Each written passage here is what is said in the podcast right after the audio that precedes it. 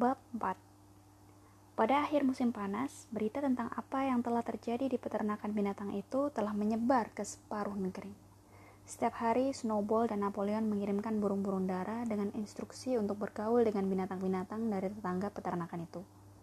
Menceritakan tentang kisah pemberontakan dan mengajarkan lagu binatang Inggris kepada mereka. Selama ini, Pak Jones menghabiskan waktu untuk duduk-duduk di ruang tunggu Red Lion di Wellington, sambil terus-menerus mengeluh pada siapa saja yang mau mendengarkan tentang ketidakadilan mengerikan yang baru saja dialaminya, yaitu bahwa ia baru saja dipaksa meninggalkan peternakannya oleh binatang-binatang yang tidak berguna.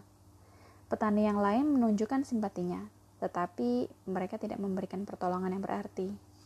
Dalam batinnya, Masing-masing petani itu diam-diam berpikir bagaimana caranya mengubah nasib malang Jones menjadi keuntungan bagi diri mereka. Beruntung bahwa dua petani yang wilayah peternakannya berdampingan dengan peternakan binatang tidak punya hubungan baik. Salah satu peternakannya yang bernama Foxwood merupakan peternakan gaya lama yang luas dan terbengkalai.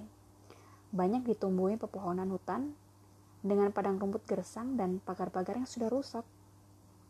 Pemiliknya, Pak Pilkington, adalah seorang tuan tanah ramah yang menghabiskan waktunya untuk memancing dan berburu sesuai dengan musimnya. Ladang pertanian lain bernama Pinchfield lebih kecil, tetapi lebih terawat. Pemiliknya Pak Frederick, seorang yang tangguh dan cerdas, secara terus-menerus terlibat dalam persoalan hukum dan terkenal sulit diajak tawar-menawar. Sesudah orang itu saling tidak menyukai, demikian rupa sehingga sangat sukar bagi mereka untuk menemukan kesepakatan, bahkan dalam hal mempertahankan kepentingannya. Akan tetapi, keduanya sangat ketakutan dengan pemberontakan di peternakan binatang dan ingin sekali mencegah binatang-binatang mereka sendiri mendengar banyak tentang pemberontakan itu. Pada awalnya mereka pura-pura tertawa dengan maksud meremehkan gagasan para binatang yang ingin mengelola sebuah peternakan untuk diri mereka sendiri. Semuanya akan berakhir dalam dua minggu, kata mereka. Mereka mengatakan bahwa binatang di peternakan Manor, mereka bersikeras menyebutnya peternakan Manor, mereka tidak mau menoleransi sebutan peternakan binatang. Akan terus-menerus berkelahi dengan saling melawan, kemudian segera akan mengalami kelaparan dan mampus. Seiring berjalannya waktu, binatang-binatang itu terbukti tidak mati kelaparan sehingga Frederick dan Pilkington merubah nada mereka dan mulai bicara tentang kejahatan amat mengerikan yang sekarang dikembangkan di peternakan binatang. Diceritakanlah bahwa binatang-binatang itu menjalankan kanibalisme, saling melukai dengan sepatu kuda yang membara. Begitu pula dengan betina.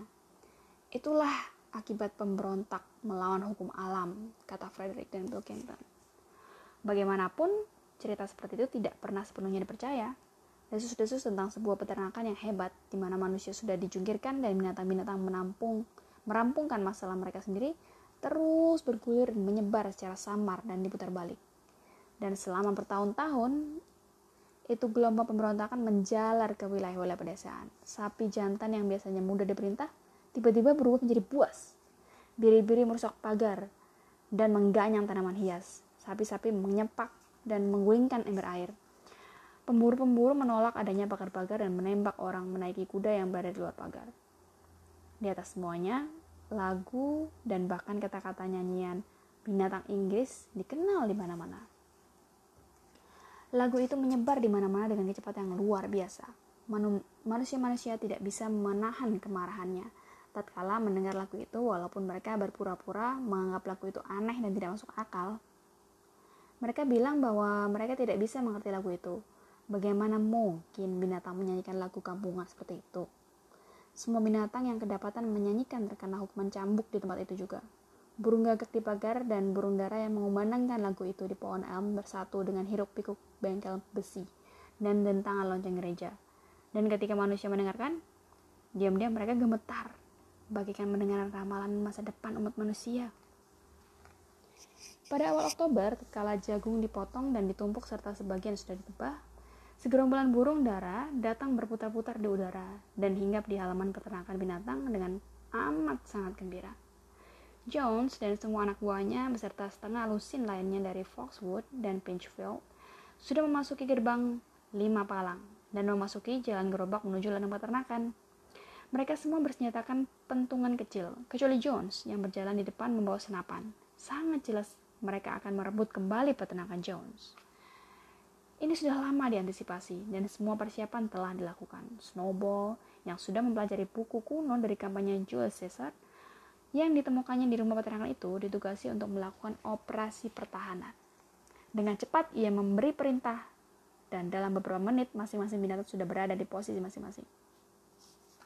Begitu bangsa manusia mendekati rumah-rumah peternakan, Snowball melancarkan serangan pertama. Semua burung dara yang jumlahnya lebih kurang 35 ekor terbang bolak-balik di atas kepala mereka. Dan sementara orang-orang itu menanggulangi keadaan seperti ini, Angsa-angsa sudah bersembunyi di balik pagar, keluar dan dengan ganas mematuki kaki mereka. Bagaimanapun, ini hanya manuver kecil.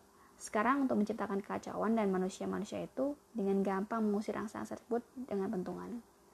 Snowball sekarang melontarkan serangannya yang kedua. Morel, Benjamin, dan semua biri-biri dengan Snowball yang menjadi komandan. Bergegas maju, kemudian menyodok dan menerjang orang-orang itu dari segala sisi.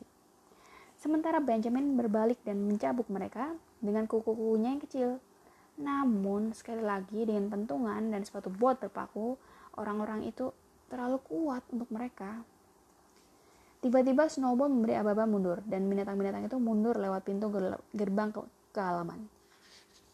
Orang-orang itu berteriak penuh kemenangan. Manusia-manusia itu melihat sebagaimana yang mereka bayangkan. Musuh mereka lari dan mereka terbirit-birit lari mengejar mereka. Sebenarnya ini sudah dirancang oleh Snowball. Begitu mereka semua sudah berada di halaman, tiga sapi dan selebihnya babi-babi yang sedang bersiap menyergap di kandang sapi mendadak muncul dari belakang mengalim mereka. Sekarang, Snowball memberi aba-aba menyerang. Ia sendiri langsung menyerang Jones. Jones melihat Snowball datang, mengangkat bedilnya dan menembak babi itu.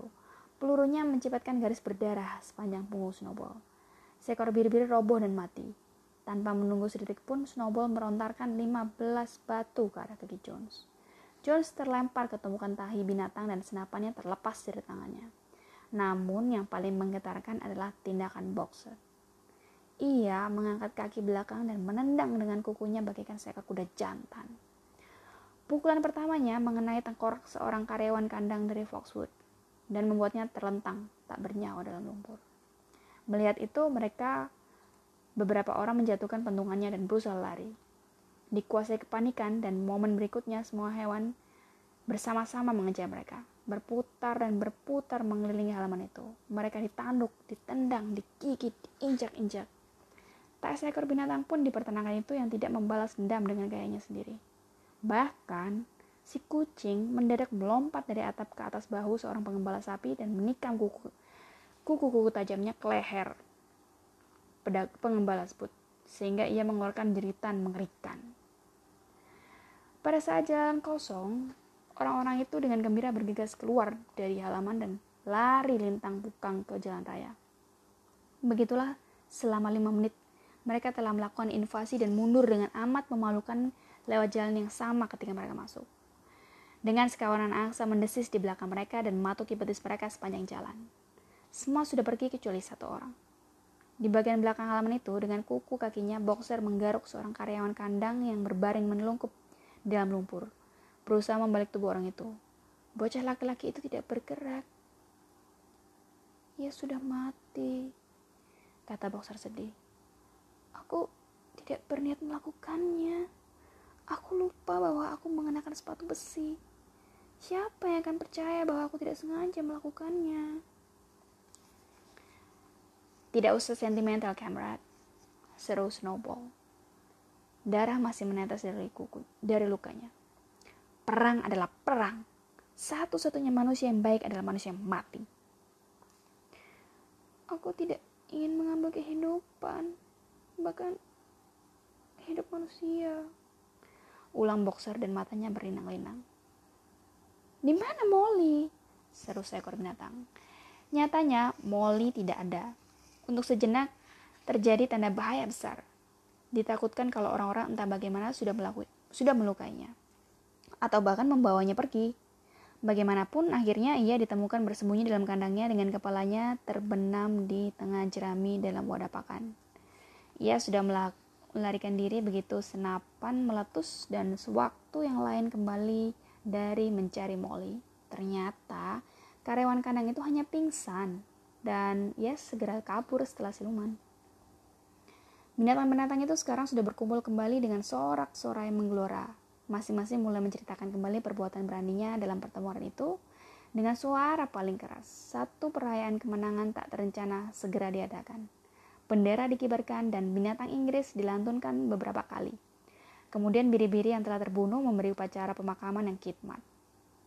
Dengan semak bunga ditanam di atas makamnya. Snowball mengucapkan pidato singkat di sisi makam itu, yang menekankan perlunya bagi semua binatang untuk siap mati jika perlu demi peternakan binatang. Para binatang dengan suara bulat memutuskan untuk menciptakan suatu dekorasi militer. Pahlawan binatang peringkat pertama, yang kemudian dianugerahkan pada Snowball dan Boxer. Penghargaan itu terdiri atas sebuah medali kuning.